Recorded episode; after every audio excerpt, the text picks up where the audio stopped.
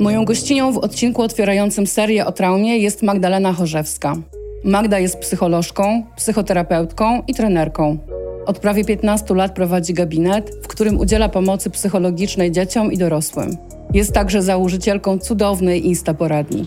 Jest ekspertką merytoryczną wielu programów telewizyjnych, a przede wszystkim jest bardzo ciepłą kobietą. Z Magdą porozmawiamy o tym, skąd ta trauma się w zasadzie bierze. Czy tylko słabi ludzie dostają od niej strzał?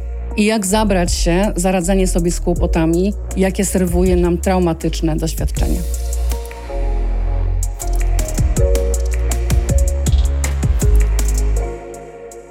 Często słyszę, jak ktoś mówi niby żartobliwie, a niby nie żartobliwie, o czymś takim smutnym, strasznym, co go wzruszyło. O Boże, Boże, to taka moja trauma. I później sobie żartujemy, że taka właśnie taka trauma, takie w ogóle, no takie coś niby straszne, niby śmieszne. A mam wrażenie, że to jest bardzo ciężki temat. Jakby to powiedzieć? Temat jest ciężki, dotyczy bardzo trudnych, naprawdę ciężkich doświadczeń i taka potocznie rozumiana trauma to nie jest taka trauma, jaką my rozumiemy w pojęciu klinicznym. I też często spotykam się z tym, że pacjenci przychodzą i mówią, rozstałam się z chłopakiem, to taka trauma, zwolnili mnie z pracy, to taka taka trauma i mam traumę związaną, nie wiem, z wyjazdem na wakacje z rodzicami na przykład i to nie jest trauma. W sensie to może być trudne dla człowieka doświadczenie i ja w to nie wątpię. Natomiast właśnie w tym ujęciu klinicznym, żeby coś było traumą, no to musi być nagłe, to musi być takie zaskakujące, to musi być bardzo zagrażające. Zazwyczaj zagraża naszemu zdrowiu i życiu, albo zdrowiu i życiu naszych bliskich, albo jesteśmy świadkami takiej sytuacji, czyli mówimy tu o zdarzeniach bardzo poważnych w stylu wypadek samochodowy,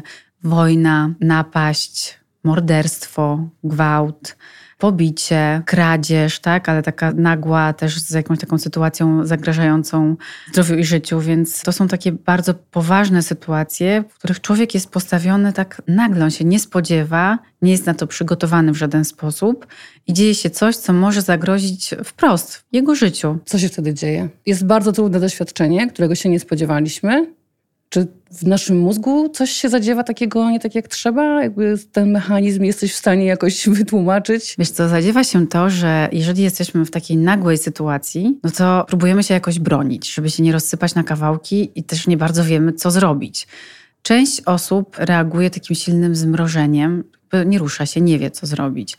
Część krzyczy, część ucieka. Ludzie mają różne sytuacje, tak? Różnie reagują na nie. Na pewno reaguje nasze ciało, reagujemy właśnie, nie wiem, trzęsą nam się nogi, ręce, albo wprost przeciwnie, jesteśmy usztywnieni. Bije nam szybko serce, pocimy się, zaczynamy płakać. Są osoby, które, nie wiem, robią siku w takiej sytuacji. Pamiętam pacjentkę, która pracowała w sklepie i została napadnięta i powiedziała, że to była po prostu reakcja automatyczna. I ten pierwszy moment, właśnie po tym zdarzeniu trudnym, jest często bardzo szokujący i właśnie bardzo zamrażający.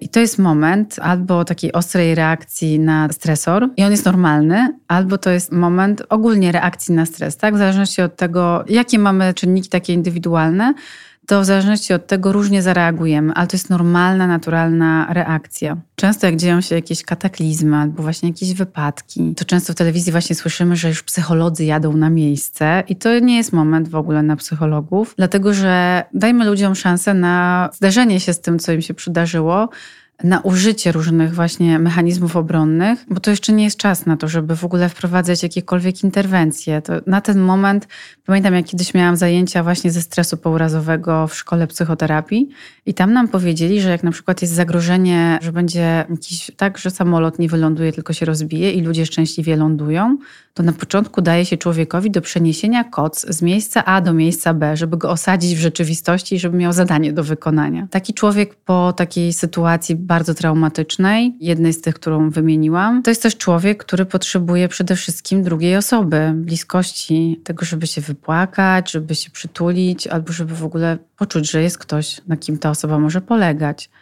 Natomiast jeżeli ta reakcja trwa dłużej niż miesiąc, no to wtedy już dobrze byłoby skorzystać z pomocy psychologa. Na początku, pierwsze w ogóle 48 godzin to jest naturalne, że jesteśmy w szoku i różnie możemy reagować. Pierwszy miesiąc to też jest miesiąc na dojście do siebie po takim traumatycznym zdarzeniu. Natomiast jeżeli to nie mija po miesiącu, dwóch, trzech, no to mówimy już o tym, że pacjent ma objawy PTSD, czyli stresu pourazowego. I to jest już zaburzenie, gdzie psychoterapia sobie z tym bardzo dobrze radzi. I im szybciej pacjent trafi do nas, tym lepiej, tym większe szanse na to, że ta trauma się nie utrwali i no, nie zajdą te dosyć istotne zmiany i w osobowości, i zmiany w mózgu, i zmiany w myśleniu, i zmiany w przetwarzaniu. No bo takie traumatyczne wydarzenia właśnie wpływają na całość naszego patrzenia na świat, patrzenia na siebie, na to, jakich wyborów dokonujemy, na to, czego unikamy, na to, co robimy, na to, czego się boimy. Także im szybciej taka osoba tak zobaczy, że kurczę, coś jest nie tak, że ma cały czas flashbacki z danej sytuacji, że odtwarza to, co się stało, że cały czas to bardzo mocno przeżywa, że odczuwa silny lęk, a jednocześnie unika w ogóle takiego bodźca, nie wiem, załóżmy wypadek komunikacyjny. Z badań wynika, że około 21% osób po wypadkach komunikacyjnych będzie miało PTSD, czyli właśnie stres pourazowy. Im szybciej taka osoba trafi właśnie do nas, tym większe szanse, że będzie funkcjonowała normalnie, że będzie dalej jeździła autem i że to wydarzenie po prostu tak przepracuje, upora się z emocjami, których doświadczyła i uzna to za sytuację, która zdarzyła się w życiu, a nie za oczywistość, która na nią czekała, że świat jest zły, życie złe i, i złe rzeczy się będą działy. Pamiętam swoje doświadczenie traumy z zeszłego roku, które w momencie jakby tego wydarzenia było bardzo trudne. Kilka tygodni po to był też czas bardzo intensywnych działań, które próbowały naprawić to, co się wydarzyło. I w działaniu jakby to wszystko wyglądało, było trudne, było straszne, było przykre, nieprzyjemne. Nie wiadomo, dlaczego mnie spotkało, natomiast nie wyglądało to jakoś bardzo źle. Natomiast pamiętam trochę więcej niż miesiąc po taki moment, i to jakbym film oglądała z boku, jak stoję na balkonie i podlewam kwiaty i nagle konewka mi wypada z ręki i myślałam, że umieram po prostu. Wydawało mi się, że mam, że moje serce chce się wyrwać w ogóle z piersi, że nie mogę oddychać, że w zasadzie no, ja nie wiedziałam, to jest zawał, wylew. Okazało się, że miałam atak paniki. Taki pierwszy pełnowymiarowy atak paniki w życiu. Jakby, no ja już dzisiaj wiem, bo dostałam diagnozę i przyszłam terapię, że to był jeden z takich pierwszych objawów mojego PTSD. To, nad czym się cały czas zastanawiam, do dzisiaj, to czy jest coś, co ja mogłam zrobić, żeby temu zapobiec, żeby to mi się nie wyhodowało w środku? To jest dobre pytanie. Z mojej wiedzy, z moich informacji wynika, że niekoniecznie. Dlatego, że chyba, że tak, po tym zdarzeniu, o którym mówisz, nie wiem, co ci się wydarzyło, chyba, że nie uzyskałaś odpowiedniego wsparcia albo właśnie tak? No, próbowałaś to w jakiś sposób zastąpić działaniem, tak? Myślenie i Myślę, czucie. że tak. Ale wiele osób w taki sposób działa i u nie każdej osoby rozwinie się stres pourazowy dlatego że są pewne czynniki, które powiedzmy przyczyniają się bardziej do tego, że jedna osoba będzie miała ten stres, a druga nie. To są osoby, które pochodzą z rodzin, w których rodzice, tak, dziadkowie, osoby blisko spokrewnione cierpiały na zaburzenia lękowe czy depresję. To są osoby, które też doświadczały różnego rodzaju takich traumatycznych zdarzeń w dzieciństwie, bo jeżeli człowiek doświadcza od dziecka przemocy, jeżeli zderza się właśnie z trudnymi sytuacjami, których no, nie wie, jak sobie poradzić, a nie wiem, osoby bliskie, tak, matka, ojciec czy ktoś z rodziny bliskiej stosuje na przykład przemoc. Badania są takie, że im bardziej spokrewniona osoba, tym gorzej dziecko sobie z tym radzi. To taka osoba, jak ją spotka w przyszłości trudna sytuacja, no ma o wiele większe szanse na to, że ten stres pourazowy się pojawi. To są też osoby, które w ogóle mają wyższą komponentę tą lękową. To są często osoby z bardzo sztywnym myśleniem ale tutaj myślę, że Cię zaskoczę, bo są to osoby z jednej strony myślące, że świat jest zły i wszystko, co złe, to im się wydarzy, ale to są też osoby, które myślą, świat piękny, to w ogóle super jest na świecie, bezpieczny i nagle coś takiego się dzieje i taka osoba też może cierpieć na stres pourazowy. Więc tych czynników wpływających na to, że dana osoba może właśnie cierpieć na stres pourazowy, też temperament, tak? właśnie czynniki genetyczne, czy doświadczenia z przeszłości, to jakby jest sporo, no ale sporo osób też przeżywa traumatyczne wydarzenia, nic się nie dzieje. Tak średnio to 30% populacji będzie miało PTSD, ale są takie badania, które mówią o tym, że właśnie po wypadkach komunikacyjnych około 21%, a jeżeli to jest osoba, która doświadczyła przemocy fizycznej, seksualnej, czy z takim właśnie przekroczeniem granic cielesnych, to tam jest aż do 50% możliwość właśnie zapadnięcia na stres pourazowy. Gdzieś się spotkałam z takimi danymi, że w Polsce więźniowie polityczni, 70% z tych więźniów miało bardzo wyraźne PTSD. I w ogóle PTSD zaczęto się tym interesować właśnie po wojnach, tak? Że, że widziano, że prężni chłopcy młodzi wracają z wojny, a ich psychika siada, bo mają często depresję, sięgają po alkohol, mają nagłe wybuchy złości, bo to też jest taka klasyka gatunku, że są nagłe, tak? Stany albo lękowe właśnie, albo mogą być to takie nagłe stany takiej silnej złości czy agresji, że ktoś nagle zaczyna krzyczeć albo może kogoś też pobić i też nie wie, dlaczego to zrobił. Tych w ogóle objawów stresu pourazowego jest bardzo dużo i też takich skutków ubocznych, że tak to nazwę, bo ta osoba, która cierpi, no to szuka ukojenia i często szuka tego ukojenia właśnie w alkoholu. Bardzo często się udepresyjnia, często ma problemy z jedzeniem, występuje dosyć często anoreksja u pewnej grupy osób, nie u każdej. No i też występują różnego rodzaju próby no, zamaskowania tych emocji. Jak człowiek sobie z nimi nie radzi, no to próbuje coś zrobić, żeby po prostu było mu lepiej. Z tego szerokiego wyboru, który tam podawałaś wcześniej, to ja jestem Ela Bonda z domu DDA, więc mhm. Y, myślę, że to mogło mieć jakiś wpływ. I właśnie do tego chciałabym trochę nawiązać, może niekoniecznie do DDA, chociaż pewnie też, ale do momentów i sposobów, w których takie głębokie, trudne doświadczenia powstają, bo wiemy to, co powiedziałaś, że jedno wydarzenie niespodziewane, ciężkie potrafi wywołać traumę, ale jest też taka trauma, koryguj, jeżeli się mylę, która jakby sączy się, to trudne coś. Długofalowo. Długofalowo, to takie C, PTSD, która też jakby powolutku, pomalutku i się tworzy i narasta, narasta, narasta, narasta. Czy tutaj są jakieś czynniki, które jakby można wyodrębnić, że one predysponują do tego, żebyśmy taki pakiet dostali? Dobra, to teraz tak. Kiedyś mhm. się dzieliło te typy traumy na typ pierwszy i drugi. Mhm. Ten typ pierwszy to właśnie to nagłe zdarzenie, tak? Żyjesz sobie, żyjesz, żyjesz, wszystko jest w porządku u ciebie w życiu. Powiedzmy, że masz predyspozycję do tego, żeby właśnie mieć PTSD. No i nagle dzieje się ta sytuacja losowa i doświadczasz jednorazowej sytuacji właśnie takiej, w której doświadczasz zagrożenia zdrowia czy życia. I to jest trauma typu pierwszego. Trauma typu drugiego to właśnie ta sącząca się, czyli to są wszystkie te osoby, które doświadczyły szeroko pojętej przemocy od dziecka. Często są to ofiary właśnie przemocy fizycznej, psychicznej, seksualnej, ale też są to osoby, które później doświadczyły tej przemocy, na przykład które doświadczały mobbingu długofalowego, wobec których była stosowana przemoc, nie wiem, psychiczna w związkach już dorosłych, czy fizyczna przemoc, czy właśnie takie wielokrotne znęcanie się nad osobą. Już od 11 wydania klasyfikacji chorób i zaburzeń psychicznych ICD istnieje takie CPTSD, czyli kompleks PTSD i to właśnie jest to PTSD, które mówi o tych sączących się wydarzeniach różnych w życiu, które też są bardzo powiązane z zaburzeniami osobowości bo jeżeli człowiek doświadcza od zawsze tak, trudności, jest ofiarą przemocy, cały czas ma podwyższony poziom stresu, poziom kortyzolu tam naprawdę jest bardzo wysoki, więc w sytuacji, kiedy przychodzi zagrożenie, nasz organizm nie reaguje adekwatnie, bo my ciągle mamy to zagrożenie. To są osoby, które nie miały poczucia bezpieczeństwa w życiu, więc nie potrafią też, nie mają takich, powiedziałabym, bazowych składowych do tego, żeby sobie radzić w sytuacjach trudnych. To one prędzej będą miały właśnie PTSD po tych wydarzeniach trudnych, a wydarzeniem trudnym dla nich może być kolejna jakaś sytuacja, która po prostu jakby obudzi tak, te trupy w szafie, bo my sobie nakładamy masę mechanizmów obronnych. Do mnie często przychodzą pacjenci, opowiadają naprawdę o traumatycznych wydarzeniach ze swojego życia, ale tak jakby nie czuli, tak, bo też często ludzie się no, odcinają od przeżyć, od emocji, bardzo często opowiadają o tym, co przeżyli, ale nie czują tego, a w terapii też chodzi o to, żeby to poczuć, bo dopiero jak to poczujemy, to jesteśmy w stanie to przepracować. A weź i poczuj. A weź i poczuj, weź dokładnie. Weź i poczuj, nie no, jakby, no trzeba, trzeba, trzeba, słuchajcie, trzeba i warto. Z autopsji powiem, że bardzo warto, bardzo trudno, ale bardzo warto. Czy wiek doświadczenia traumy ma znaczenie? Ma znaczenie, bo im młodszy człowiek, tym rokowania są gorsze.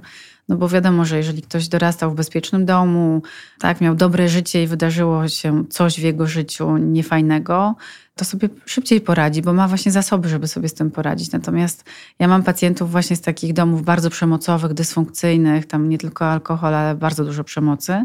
I te osoby w zasadzie one się spodziewają, że będzie w ich życiu źle i tylko gorzej, więc jak się dzieje źle, to one się kompletnie rozkładają i reagują epizodami depresyjnymi, reagują też właśnie bardzo często, to jest mocno powiązane, mocno koreluje, stres pourazowy z podatnością na uzależnienia, czyli tam często właśnie szuka się ukojenia w używkach. A czy trauma ma płeć? Z badań wynika, że częściej kobiety cierpią na stres pourazowy.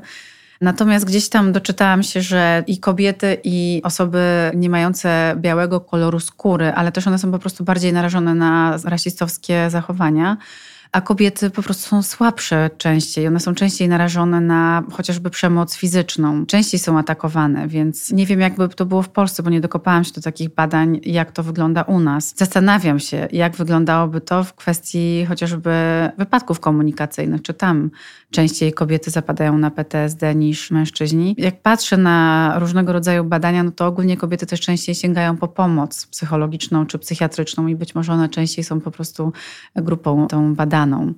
Natomiast PTSD dotyczy zarówno kobiet, jak i mężczyzn. Taki temat jak dysocjacja, który ja laicko próbowałam zgłębić, w pewnym etapie się wystraszyłam zwyczajnie. W mojej głowie było PTSD, no i w zasadzie koniec. Mhm. Natomiast byś mogła nam opowiedzieć też o dysocjacji, bo ona też chyba się potrafi wydarzyć w tej to, sytuacji. Tak, tak, oczywiście. No to jest mechanizm obronny. Po prostu się odcinasz, tak jakbyś w ogóle nie była w tej sytuacji. To tak jak ty powiedziałaś, stałaś na balkonie i ty dysocjowałaś mhm. wtedy. Oprócz tego, że miałaś atak paniki, to kompletnie tak? Tak, jakbym się ci, widziała z boku. Jakbyś zupełnie. siebie widziała z boku, tak. I jak przeżywamy coś bardzo, bardzo trudnego, coś, tak, jest ten stresor bardzo silny, no to po prostu to się załącza mechanizm obronny, żeby to przetrwać. Czyli po prostu jakby cię nie było w tym miejscu, jakbyś albo nie czujesz, nie, wyłączasz się zupełnie. Bo też wyobraź sobie, tak nie wiem, co tobie się wydarzyło i też nie chciałabym tu wyciągać od ciebie. Bardzo bliska mi osoba doświadczyła sytuacji granicznej z gatunku zagrożenia swojego życia. Okej, okay, dobrze, że o tym mówisz, bo to właśnie też ważne, żeby powiedzieć, że to niekoniecznie nam się musi przytrafić, ale osobom, z którymi jesteśmy w jakikolwiek sposób związani, albo kiedy jesteśmy nawet świadkami wydarzenia.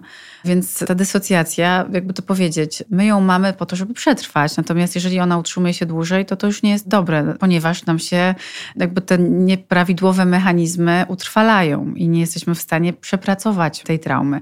Bo o co chodzi w terapii PTSD? Żeby wrócić do sytuacji, w której natknęliśmy się na ten stresor, czyli żeby w czasie rzeczywistym, przynajmniej tak jest w terapii poznawczo-behawioralnej, opowiadać o tym, co nam się zdarzyło i zatrzymywać się na emocjach, których doświadczaliśmy. I to są bardzo trudne sesje, bo pacjenci najczęściej z perspektywy narratora opowiadają od deski do deski historię co się stało, jak to wyglądało. Nawet mówią jakby tak, jaki był zapach powietrza i co tam wtedy się wydarzyło ze szczegółami, ale oni tego nie czują, tylko po prostu mówią o tym. Natomiast kiedy muszą powiedzieć, było ciepłe lato, nie, jest ciepłe lato, tak, bo mówią w czasie rzeczywistym, wracam z pracy ciemną alejką, nagle czuję za mną oddech na moich plecach, zaczynam się bać, nagle ktoś łapie mnie za gardło, zaczyna mnie przewracać, atakować i tak dalej, to wtedy nawet ja poczułam lęk, jak, jak zaczęłam to mówić, a co dopiero osoba, która tego doświadczyła.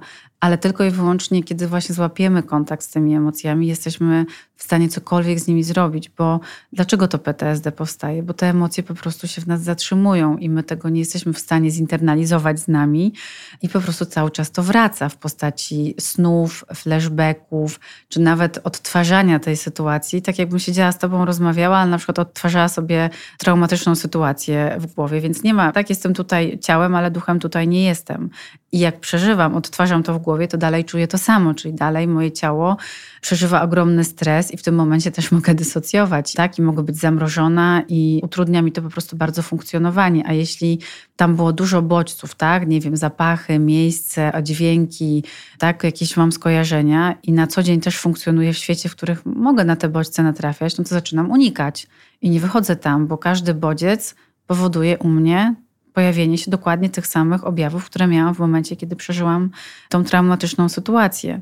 Wtedy się zamykam i dlatego tak wiele osób reaguje właśnie zaburzeniami lękowymi czy depresyjnymi, no bo po prostu z ich perspektywy no, świat jest zły, zagrażający i stanie im się krzywda, bo tak przeżyły to. Muszę odetchnąć. Wdech, wydech. No, wdech, wydech. Czy już jest okej, okay, tak? Bo jakby ja już swoje zrobiłam w zakresie takim, żeby oswoić te emocje, którym wtedy nie dałam wybrzmieć, mhm. bo stwierdziłam, że działanie będzie łatwiejsze po prostu, bo jest logiczne, ale to, o czym opowiadałaś, jak twoi pacjenci mówią, plastyczne opowiadanie o tej sytuacji, która była łącznie właśnie z kolorami, zapachami, odczuciem temperatury, totalnie jakbym słyszała siebie, jak opowiadam na swoich sesjach jak to widzę. Miałam też kilka miesięcy po tym traumatycznym wydarzeniu, już w trakcie swojej terapii, sytuację taką, gdzie musiałam wrócić do tego miejsca, gdzie to się wydarzyło. Pamiętam, że tam nie było momentu na zastanawianie się, po prostu to był przymus, to był szpital po prostu, gdzie widziałam tą osobę w tej sytuacji, w zasadzie umierania.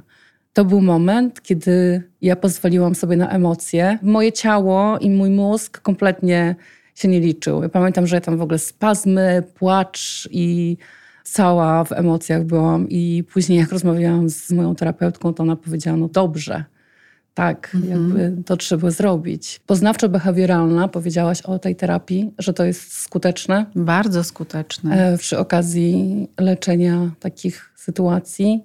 Ja korzystałam z EMDR-a. Równie skuteczny, tak? To są takie dwie główne metody. Zarówno terapia poznawczo-behawioralna, jak i EMDR to właściwie głównie je się stosuje, więc jeżeli ktoś z naszych słuchaczy cierpi na stres pourazowy, to zachęcam, bo naprawdę można sobie pomóc i nie trzeba tego wszystkiego dusić w sobie i mieć tak dotkliwych objawów, które wpływają na jakość życia, na funkcjonowanie. Co się zadzieje, jak nie pójdziemy?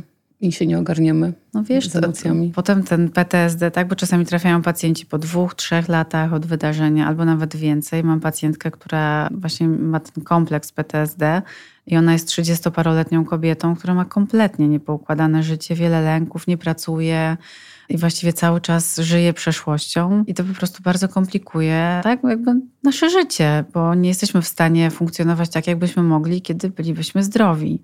To różnie się rozwija, tak? Bo niektóre osoby po prostu cierpią na permanentną depresję, inne osoby właśnie się uzależniają, inne się zamykają, wycofują. Sama wiesz, jak ktoś ma lęk, no to po prostu się bardzo boi i unika różnych sytuacji. No i po prostu wpływa to też i na nasze samopoczucie, i nastrój, na całe nasze życie.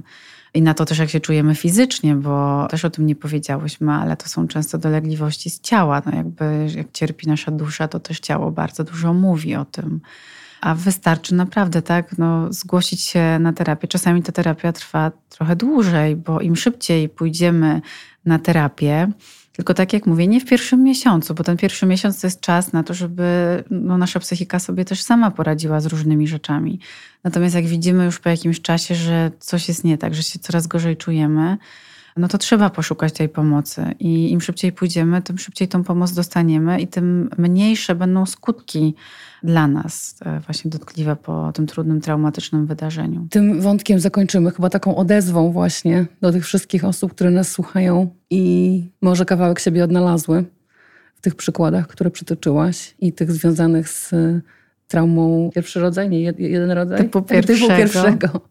Traumą typu pierwszego czy typu drugiego, jakkolwiek to nazwiemy, to to warto o siebie zawalczyć. Ja w ogóle chciałam powiedzieć, że to są dosyć zatrważające badania, które mówią o tym, że ponad 80% populacji jest narażonych na takie bodźce bardzo stresowe, czyli coś, co może potencjalnie wywołać stres pourazowy. Dobra, to nie kończymy, bo to jeszcze bardzo ważny wątek w takim razie. Wracamy. 80%? Okay. Tak. Może nam się, no wiesz, życie jest długie i może ci się przydarzyć. Nawet jeżeli ktoś się urodził tak w zdrowo funkcjonującej rodzinie, ale nikt nie powiedział, że w życiu, nie wiem, nie stanie mu się krzywda, że nie zostanie napadnięty, zgwałcony, wykorzystany, czy w jakiś sposób nadużyty, czy nie będzie miał wypadku chociażby samochodowego.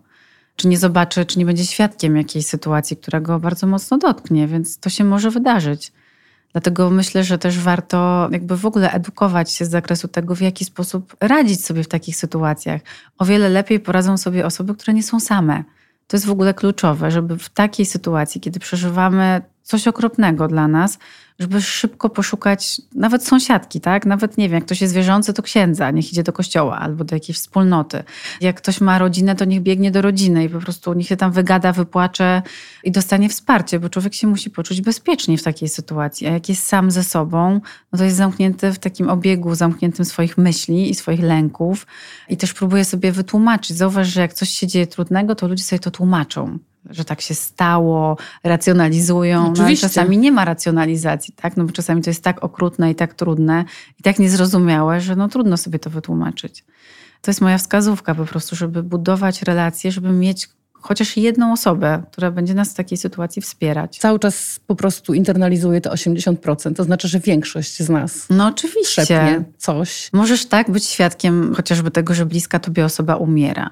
może ci się coś wydarzyć, tak? Możesz, kurczę, być ufną osobą, zakochać się w nieodpowiednim facecie na przykład, tak? I doświadczyć jakiejś formy przemocy. Możesz iść do pracy otwarta na doświadczenia i spotkać szefową czy szefa, który będzie mobberem. I też możesz przeżyć swoją traumę, taką sączącą się. A czy wstyd takiej osoby ma jakieś znaczenie w jakiejś części przypadków?